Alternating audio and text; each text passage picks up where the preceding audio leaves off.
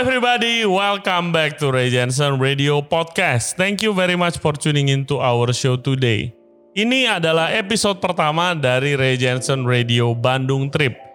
Jadi beberapa minggu yang lalu gua sama teman-teman gua kita berlima belas itu pergi ke Bandung untuk bikin konten di shoot sambil kulineran. Kita visit banyak tempat mulai dari rumah makan, restoran-restoran keren sampai juga bar yang ada di Bandung. Dan konten ini kita namain Chef Day Out itu akan diupload di channel temen gue yang namanya Turaber bisa check out linknya di atas. Uh, please check them out. They have a really great content about F&B di Indonesia juga sama kayak kita. Dan episode kita kali ini gue akan ngobrol sama Kang Uyul.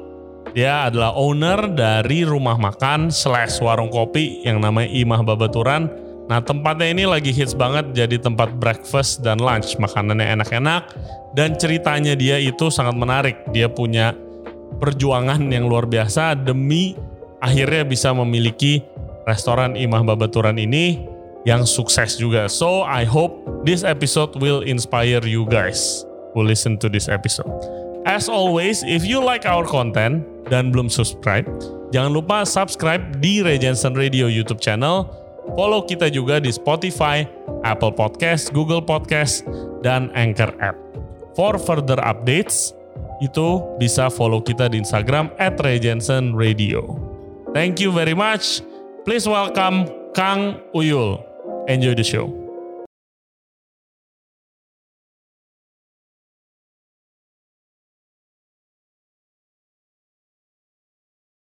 Oke, okay, welcome back to Regenser Radio Podcast. Sekarang kita udah sama Kang Uyul di rumah makan Imah Babaturan, warung kopi Imah Babaturan. Apa kabar Kang Uyul? Terima kasih sehat, untuk waktunya. Terima kasih lo udah mau ke Bandung. Iya, apalagi lagi rame-rame begini kita berantakin nih semua. Lumayan ya. kita lagi sama uh, teman kita di Turabar, channel Turabar, please check them out. Uh, kita lagi chef day out ceritanya dan sekarang mau podcast kalian sama Kang Uyul untuk ceritain pengalamannya Kang. Nah ini udah tepat udah berapa lama buka? Tepatnya ini gue mulai warung kopi ini bulan Oktober tahun 2015 berarti hmm. udah enam tahun jalan enam tahun jalan jalan hmm. enam hmm. tahun Oke. Okay.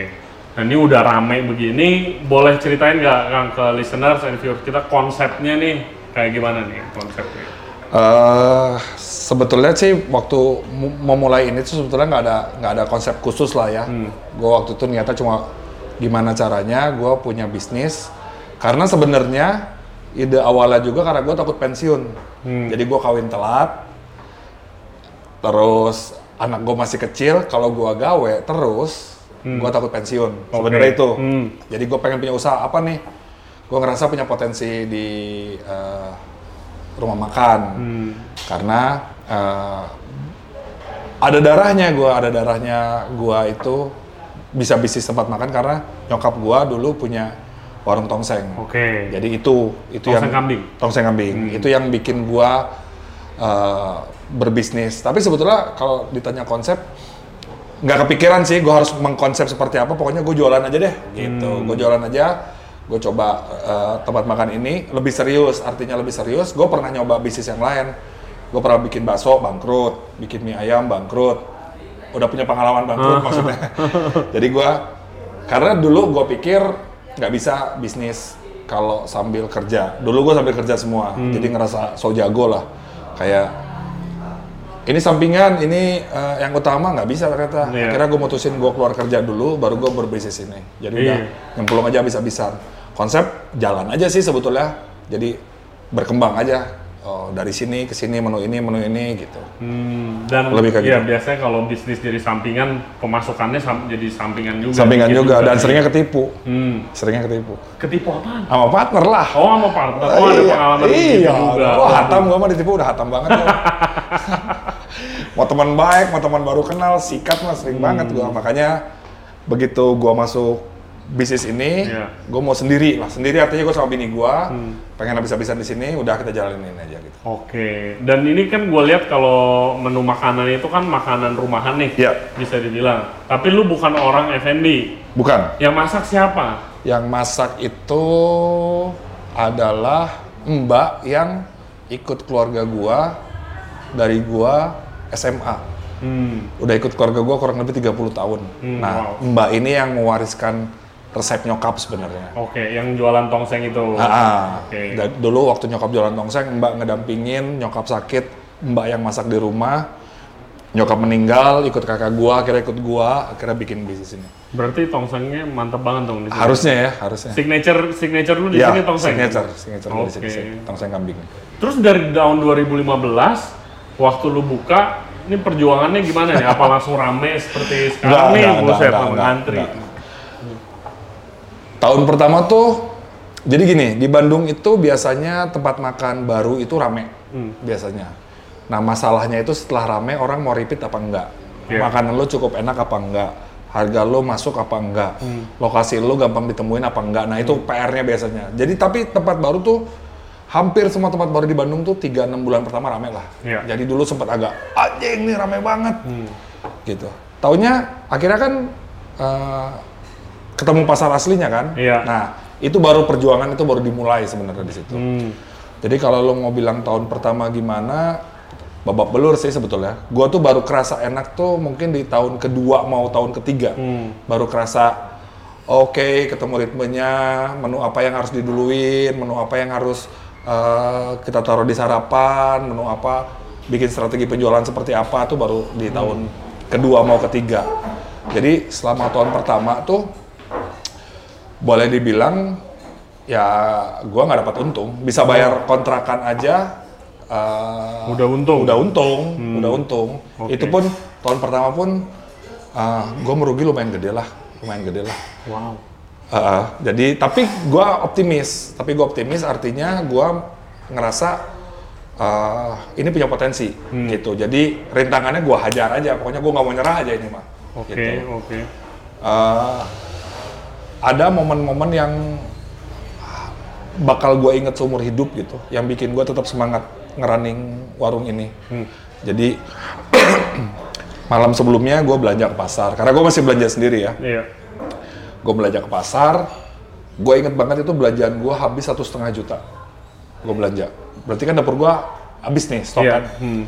Dengan harapan besok eh, Ada yang beli lah gitu. ada yang beli lah ya Iya. Hmm. gitu wah ini am- amunisi penuh nih udah siap tempur nih besok nih Ini tunggu, ini eh, udah buka berapa lama nih kejadian ini? tahun pertama Oh, mau masih ta- tahun pertama.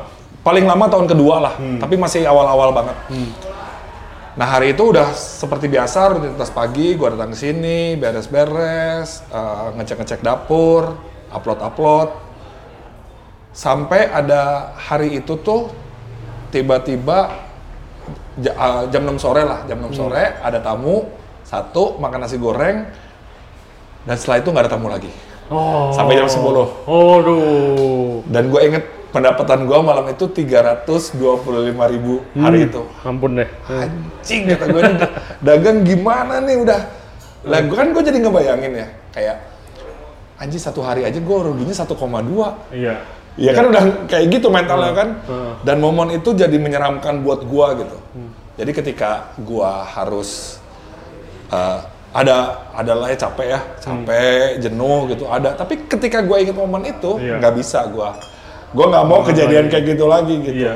Karena gue percaya ukurannya bisnis lo eh, sukses apa enggak, ramai apa enggak itu gimana lo, bukan gimana bukan gimana orang. Jadi Iya. kalau lo hari ini sepi, berarti emang effort lo kurang buat ngurus bisnis ini itu. Gue percaya itu.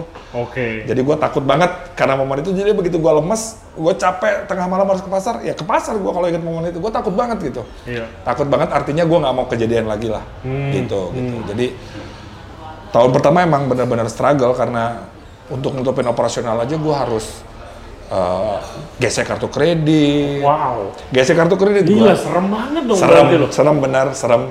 Dan tapi ada bini gua yang ngasih semangat ya, Hmm. bini gua ngasih semangat, terus gua juga ngerasa punya potensi lah. Itu sih yang gua pegang sampai sekarang gitu. Iya. Gua ngerasa punya potensi. Ada momen gua nggak bisa bayar kartu kreditnya, lu bayangin 10%. Iya, dan itu Gua- buat biaya operation yang harus bulan depan ada lagi. Harus gitu. ada lagi, harus ada Iya. lagi. Sementara tahun-tahun pertama itu mungkin gua uh, baru bisa nutupin biaya operasional. Hmm. Jadi gaji, internet, sewa, Iya. dan lain-lain gitu. Cuma sampai segitu. Jadi mungkin buat ngoperasionalkan jalan lagi besok udah nggak ada duit gua. Iya. Gua ambil cash dulu ke Geston, Hmm. gesek tunai. Aduh. Ya karena Iya. pertama uh, gua nggak punya uh, apa ya jaminan untuk ke bank. Iya. Gua nggak punya jaminan untuk ke bank. Terus kedua, gua nggak mungkin pinjam teman gua karena jadi seperti investasi. Iya, gua nggak mau, gua nggak mau gitu. Iya karena tadi lu bilang emang ini rencananya lu sendiri. Buat gitu. sendiri gitu. Iya. Gua emang nggak mau berpartner karena gue pengen ini jadi kalau kerennya pengen jadi legacy lah. Hmm. pengen jadi legacy siapa tahu anak gue mau nerusin gitu atau ponakan gue atau Yoi. adik gue gitu loh momen-momen itu tuh jadi bener-bener Iya. wah deep shit bener-bener itu mah gue uh, pernah utang sampai 90 juta kartu kredit Ya ampun. itu kegulung gue Iya. gue kegulung banget Ya Gua- karena nggak nutup lagi. nggak nutup nggak nutup ya. gitu sampai akhirnya eh, pelan-pelan lah Iya. gue beresin pelan-pelan sampai itu hilang semua gitu Mantap. Gua. Gua tapi di situ gue cuma pengen cerita maksudnya cara gue mungkin nggak benar Hmm. tapi yang gue pengen cerita adalah kalau lo percaya punya potensi udah gas aja Iya. udah lo lakuin aja udah gitu Iya. lo handicap apa pun sikat aja pokoknya gitu lah Iya dan lu do whatever it takes gitu. to Betul, betul. The business work. Nah, gitu betul, kan. betul. Karena waktu Terbuktinya itu- sekarang. Iya, gitu kan. waktu itu gue emang hampir nggak punya pilihan. Gue punya uh, bisnis yang lain Hmm. yang gue harap bisa membantu. Gue punya konveksi topi, nggak apa-apa ya nyolong-nyolong ya. Nggak apa-apa. Jualan justru. gue punya konveksi topi yang tahun pertama itu tiga bulan ruginya 200 juta karena di- disikat sama partner gue. Hmm, ya ampun. Jadi pada saat yang bersamaan duit nggak ada, mobil hilang, Waduh, apes lah tuh apes ya. banget, apes banget gitu. 2015 tuh tahun gue paling apes pada saat bersamaan tahun gue paling uh, Ini buka. ini Gitu buka kan. gitu. Akhirnya gue punya bisnis yang baru ini gitu. Dan apa yang membuat api semangat lu tuh nggak biasanya kan kalau begitu banyak yang nyerah kan, ah udah mungkin ini bukan gua nih. F&B nih, lu tadi udah bangkrut, bakso udah bangkrut, Iya. segala macam. Segala macam. Iya. Apa yang membuat lu api semangat lu tuh nggak nggak pernah nyerah? Apakah cuma kayak oke ini gua nggak ada pilihan lain nih? Gua Ya lebih lebih ke situ awalnya. Hmm. Awalnya gue lebih ke gue nggak punya bisnis lagi. Konveksi topi gue aja baru tiga bulan udah bangkrut, Hmm. mobil udah hilang, udah nggak punya aset yang harus gue puterin lagi gitu. Hmm. Itu yang sebetulnya yang jadi pondasi gue. Gue nggak punya pilihan. Tapi setelah itu, gue kan nggak bisa berhenti sampai Iya. di situ aja gitu. Uh, nah kebenaran gue sekolahnya di uh, ekonomi Parahyangan. Hmm. Teman-teman gue udah banyak yang seangkatan gue itu udah banyak yang bisnisnya udah jalan. Dan biasanya gue akan telepon teman-teman gue yang udah uh, relatif sukses lah ya, sukses menurut gue minimal. Iya. Oh gue harus nelpon dia nih, gue harus nanya nih. Akhirnya gue telepon. Satu dua teman gue telepon, udah makan belum lo? Belum sini lah ke warung gue lah. Sekalian gue upselling sebenarnya, sekalian gue ngobrol. Nah dari mereka juga gue dapat dapat suntikan semangat tuh dari mereka juga bahwa Oke. emang enggak lo teh udah bener track lo, lo tinggal ngelakuin aja apa yang uh, perbaikan-perbaikan itu tiap hari. Jadi itu yang emang yang gue lakuin. Jadi uh, apa ya? Iya. Karena kata lo tadi, gue nggak punya basic F&B kan, Iya. gue cuma punya basic manajemen. Tapi untuk menjalankan bisnis restoran, ternyata gue harus banyak nanya sama orang. Bener. Gue harus nanya, banyak nanya sama orang dan ya mereka itu yang selalu ngasih semangat juga ke gue gitu. Udah kok bisnis lo, makanan lo udah enak, harga lo udah masuk. Ya tinggal lo jalanin aja. Kalau bahasanya temen gue selalu ngomong gini, ini warung tinggal ada tokeknya, lu aja tungguin tiap hari. Itu gue lakuin. Tungguin tiap hari itu akhirnya gue nyapa tamu. Iya. Dulu, dulu gue hampir kenal semua customer gue. Hmm. Semua customer gue yang datang gue hampir kenal. Bahkan gue punya namanya pelanggan favorit. Iya. Sebelum pandemi itu gue jalanin. Tiap hari Senin itu gue ngirim, ya, milih pelanggan favorit warung gue. Oh, Karena oke. ya itu gue lakuin hampir tiga tahun. Gue lakuin itu. Nah terus jadi pelanggan favorit dapat apa nih?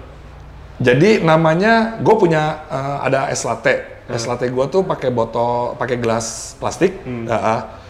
depannya tuh ada logo warung gue, belakangnya ada nama print dia. Hmm. Jadi pelanggan favorit eh, minggu ini eh, Ray misalnya, Hmm. itu Oke. nama Instagramnya. lucu lucu. Iya. Terus gue kirim ke dia si kopinya gue kirim ke dia dengan harapan mudah-mudahan bisa jadi kenang-kenangan lah. Iya dan inget terus kan. Dah lah. gitu, gue bikin engagement gitu. Dan Jadi gua kalau lihat eh, apa Instagram lu Ya. itu keren gitu dan brand brandingannya ada dan jalan terus Ya. gitu. Itu apakah emang dari awal udah begitu strateginya dari awal atau itu yang baru-baru terakhir-terakhir? Dari awal sih, karena menurut gue Instagram itu media yang paling pas buat gue. Kebenaran gue suka foto, jadi lebih gampang uh, si deliverynya lebih gampang. Terus uh, Instagram itu gratis. Iya. Jadi emang dari awal fokus uh, promo gua, marketing gua tuh ada di Instagram sebenarnya. Sampai sekarang gua gua lakuin itu. Kemarin gua sempet ngebagi lah ya foto jumlah foto gua sama umur warung itu satu hari itu gua ngupload 1,37 foto. Berarti hampir dua foto satu hari every single day Gila. in six year. My God. Jadi ada dua ribuan foto. Hmm, Nah karena menurut gua itu yang paling Iya. paling cocok gitu. Misalnya gini, gua ngeliat Twitter, Twitter itu punya dunia sendiri. Iya. Oke, Facebook itu lebih ke teman. Hmm. Facebook itu lebih ke teman. Dan Instagram yang gue bisa eh, ngapa-ngapain sebenarnya. Eh, artinya gue bisa upload foto, upload video tanpa gua harus menonjolkan gua siapa. Karena warung akan mewakili dirinya Hmm. Iya. sendiri lah, Iya. gitu. Ih, Gua aja diminta sama eh, videografer gua upload seminggu kayak empat kali aja gue bingung mau ngupload apa. Lu enam tahun ngupload tiap hari luar biasa. Tiap hari, every single day, Hmm. 1,37 foto per hari, hampir dua lah. Terus lebih. sekarang masih foto-foto? Masih, Ini, ini kan banyak juga eh, guys Kayak ya, gua di- ya. karyanya di, dipajang di sini gitu. Jadi ini emang udah Imam Babaturan ini ya lu lah gitu kan. kurang lebih kurang Hmm. lebih seperti itu jadi kalau gua ngelihatnya tuh kayak gini uh, cara gua ngedeliver foto di Instagram itu harus seperti yang gue inginin artinya ketika lo ngelihat gulai kambing gua gua berharap yang lihat foto itu tahu rasanya gulai kambing Hmm. jadi ketika dia datang dia pesan gulai kambing mudah-mudahan sesuai yang diharapkan ya gitulah jadi foto di foto di Instagramnya warung warung gua itu lebih ke pengen ngedeliver rasa lewat foto lah gitu Iya, dari tadi gue belum makan, abis ini gue mau makan. Kelihatannya enak-enak banget. Dan itu makanan yang lu sajin di sini itu emang yang biasa lu makan di rumah sama mbak lu. Iya ini, betul gitu. betul. Jadi gua tidak pernah ngarang menu lah istilahnya. Mbak juga nggak bisa ngarang menu juga jadi gua lebih ke inget-inget dulu nyokap gua masak apa ya. Oh masak ini. Ya kita masak. Masak ini kita masak gitu. Makanya gua punya namanya menu mingguan. Nah menu mingguan itu menu yang berubah dari hari Senin sampai hari eh dari hari Jumat sampai hari Kamis jadi menu mingguan gua tuh berubah terus itu yang jadi gue itu tipikal orang yang nggak suka restoran menu banyak Iya, menu gue mungkin nggak banyak tapi gue punya menu mingguan untuk biar orang nggak bosan iya biar biar tetap fresh ya. nah gitu. gitu, Terus kalau ini yang dengerin kita nih kali ini mau datang apa yang harus dicoba nih kang? Gue tuh selalu menyarankan buat siapa pun yang datang pertama kali kalau lo makan kambing lo harus nyobain tongseng kambing gue Tongsengnya udah pasti. sama lo harus nyobain kalau lo suka pedas lo nyobain cumi cabai hijau gue Mhm. itu yang menunya menurut gue lumayan otentik lah Oke. Di- lumayan otentik artinya gue bisa jalan dengan menu itu dan gue bisa sedikit sombong bahwa kayaknya gue belum nemuin nah Nemuin lagi selain di sini. Ah, si cumi cabai hijau itu. Kalau tongseng kambing itu emang akarnya warung ini tuh ada di tongseng kambing. Oke. Gitu akarnya. Dan lu kalau lu udah lihat nih ke belakang perjuangan lu mati-matian ya, sekarang lu lihat ini udah rame terus Ya. orang ganti mulu nih Ya, berarti kan sampai jualan, kenal jualan mulu nih kan. Ya. Sekarang lu masih bisa ngenalin semua tamu-tamu lu Eh, gue lumayan kesulitan ya. karena Lumayan- banyak banget. karena banyak banget gitu. Jadi tapi gue berusaha sebisa mungkin gue di warung. Sebisa mungkin gue di warung. Artinya gue selalu inget saran temen gue itu bahwa warung lo harus lo tungguin. Nah itu selalu gue ingat. Iya itu penting sih, itu penting. Iya, karena gampangnya gini aja deh. Dan lu jadi figur juga kan di. Sebetulnya nggak jadi figur sih, lebih ke kontrol sebenarnya. Misalnya gini, kalau ada yang komplain, gue udah punya SOP buat anak-anak, tapi anak-anak SOP-nya terbatas, akan kaku. Tapi kalau ada gue, bisa lebih longgar. Minimal, once ada trouble, gue bisa ada, ada di sana. Sebetulnya lebih ke situ, gitu. Walaupun bisa lah gue tinggal, maksudnya kadang-kadang juga seharian gue di warung juga ngapa-ngapain, emang ngerokok sama ngopi doang gitu. Tapi minimal dengan gue ada di sini, gue tenang. Kalau ada apa-apa pun gue bisa Emang komplain yang paling gila apa kan? eh Yang paling agak kesel adalah ketika foto gua nggak sesuai sama. Jadi gini, gua kemarin ada namanya menu nasi liwet Oslo. Oslo tuh sebetulnya Solo, nasi liwet Solo. Nah, pas gua foto itu dia agak over sedikit bagian depannya. Jadi seolah-olah itu ada santan, padahal itu kuah opor. Oh iya, Ya. Ah, ngerti. Dimasalahin sama customer. Oh. Katanya kenapa rasanya kok uh, itu pakai santan, kenapa ini enggak? Kenapa itu kan seperti konyol gitu. Tapi akhirnya karena gua ada di situ ya gue jelasin itu tuh si konyol sih menurut gue gitu. Dan yang paling gak enak sebenarnya yang paling gak enak dan sampai sekarang gue masih masalah adalah masalah waktu di sini. Handicap gue adalah dapur gue kecil. Iya. Terus yang kedua, masakan gua semuanya relatif dadakan. Hmm. Dan ketika dia penuh, itu akan text time buat ngapa-ngapain. Lu kayak, kalau lu mesen bala-bala gue, mesen eh, nasi goreng gue, itu pasti perlu waktu 20-30 menit. Iya, karena kan kepake kompornya gitu. Betul, Nah, itu karena- customer yang Ya. kadang-kadang kurang ngertinya itu Kurang sih. ngertinya gitu, terus dia marah-marah karena lama. Hmm. Eh, padahal SOP-nya udah jelas, kalau misalnya lu datang, eh, kasir gua akan ngecek si antrian, iya. antrian. Mbak ini maaf agak lama. Eh, gimana mau nunggu apa enggak? Oh ya nggak apa-apa nunggu. Kalau nunggu itu kan estimasi 20-30 menit misalnya. Iya. Jadi ketika lewat itu mereka marah gitu. Iya. Dan sampai sekarang gue masih belum ketemu formula yang pas sih sebetulnya buat buat gimana caranya. Kecuali mungkin dapur digedein apa gimana ya. Tapi belum ada. Iya, nggak bisa sembarangan langsung main gedein. Nggak segampang itulah main Nggak, gedein. betul, Apa- betul. Ada masalah baru nanti Nah, dapur gede betul, ya kan. gitu ya. Nanti overhead gue naik ya. Iya, Overhead naik, anak eh, kalau overhead gua naik, harga naik lu komplain juga. Iya. gitu kan. Itu, yang, itu yang itu yang repot gitu. Jadi Hmm. um, yang itulah yang gua agak emang agak uh, apa ya berat Hmm. sekarang gua hadapin itu kalau customer baru yang belum tahu Iya. budayanya di sini. Hmm. Kan di sini biasanya kan orang jangan kalau gue sih tidak pernah menyarankan ya kalau lapar banget ke warung gue jangan deh. Apalagi pas jam makan siang apa jam makan malam Hmm. Lagi yang rame, iya. Ah, rame mungkin akan relatif lama nunggunya Hmm. gitu. Iya, tapi kalau emang makanannya enak mah gue yakin Itu, itu, udah itu gue setuju. balik lagi lah gitu. Lah setuju. pasti. Karena pro- rasa kan nggak bohong bilang Nah, gitu kan. betul betul itu yang gue setuju. Jadi ketika lo nunggu, lo makan sesuai sama ekspektasi lo harusnya aman. Hmm. Tapi kan ya gue sih berharapnya tiap hari ada orang baru ya. Iya dong. Ya artinya orang baru akan ada masalah baru. Hmm. Ya gitu aja lah. Jadi jalannya gitu aja terus gitu. Mantap sih. Kang, terima kasih nih untuk Siap. waktunya nih. Eh, tapi sebelum nutup, biasa kalau di Regents Radio kita sekarang main game sedikit nih. Oke. Namanya You Better Know It. Jadi jawab, eh, gua kasih pertanyaan yang lu pasti tahu. Eh, lebih cepat kayak rapid fire gitu. Iya. Lu nggak mau jawab nggak apa-apa. Ya. Mau bilang pas, tapi Iya. kita appreciate your answer. Oke. Gitu. Oke. Oke, oke. You Better Know It, Kang Uyul. Siap. Nasihat apa yang paling eh, baik yang pernah lu dengar? Dari nyokap gua kata nyokap, kalau lo belanja ke pasar sendiri, Iya.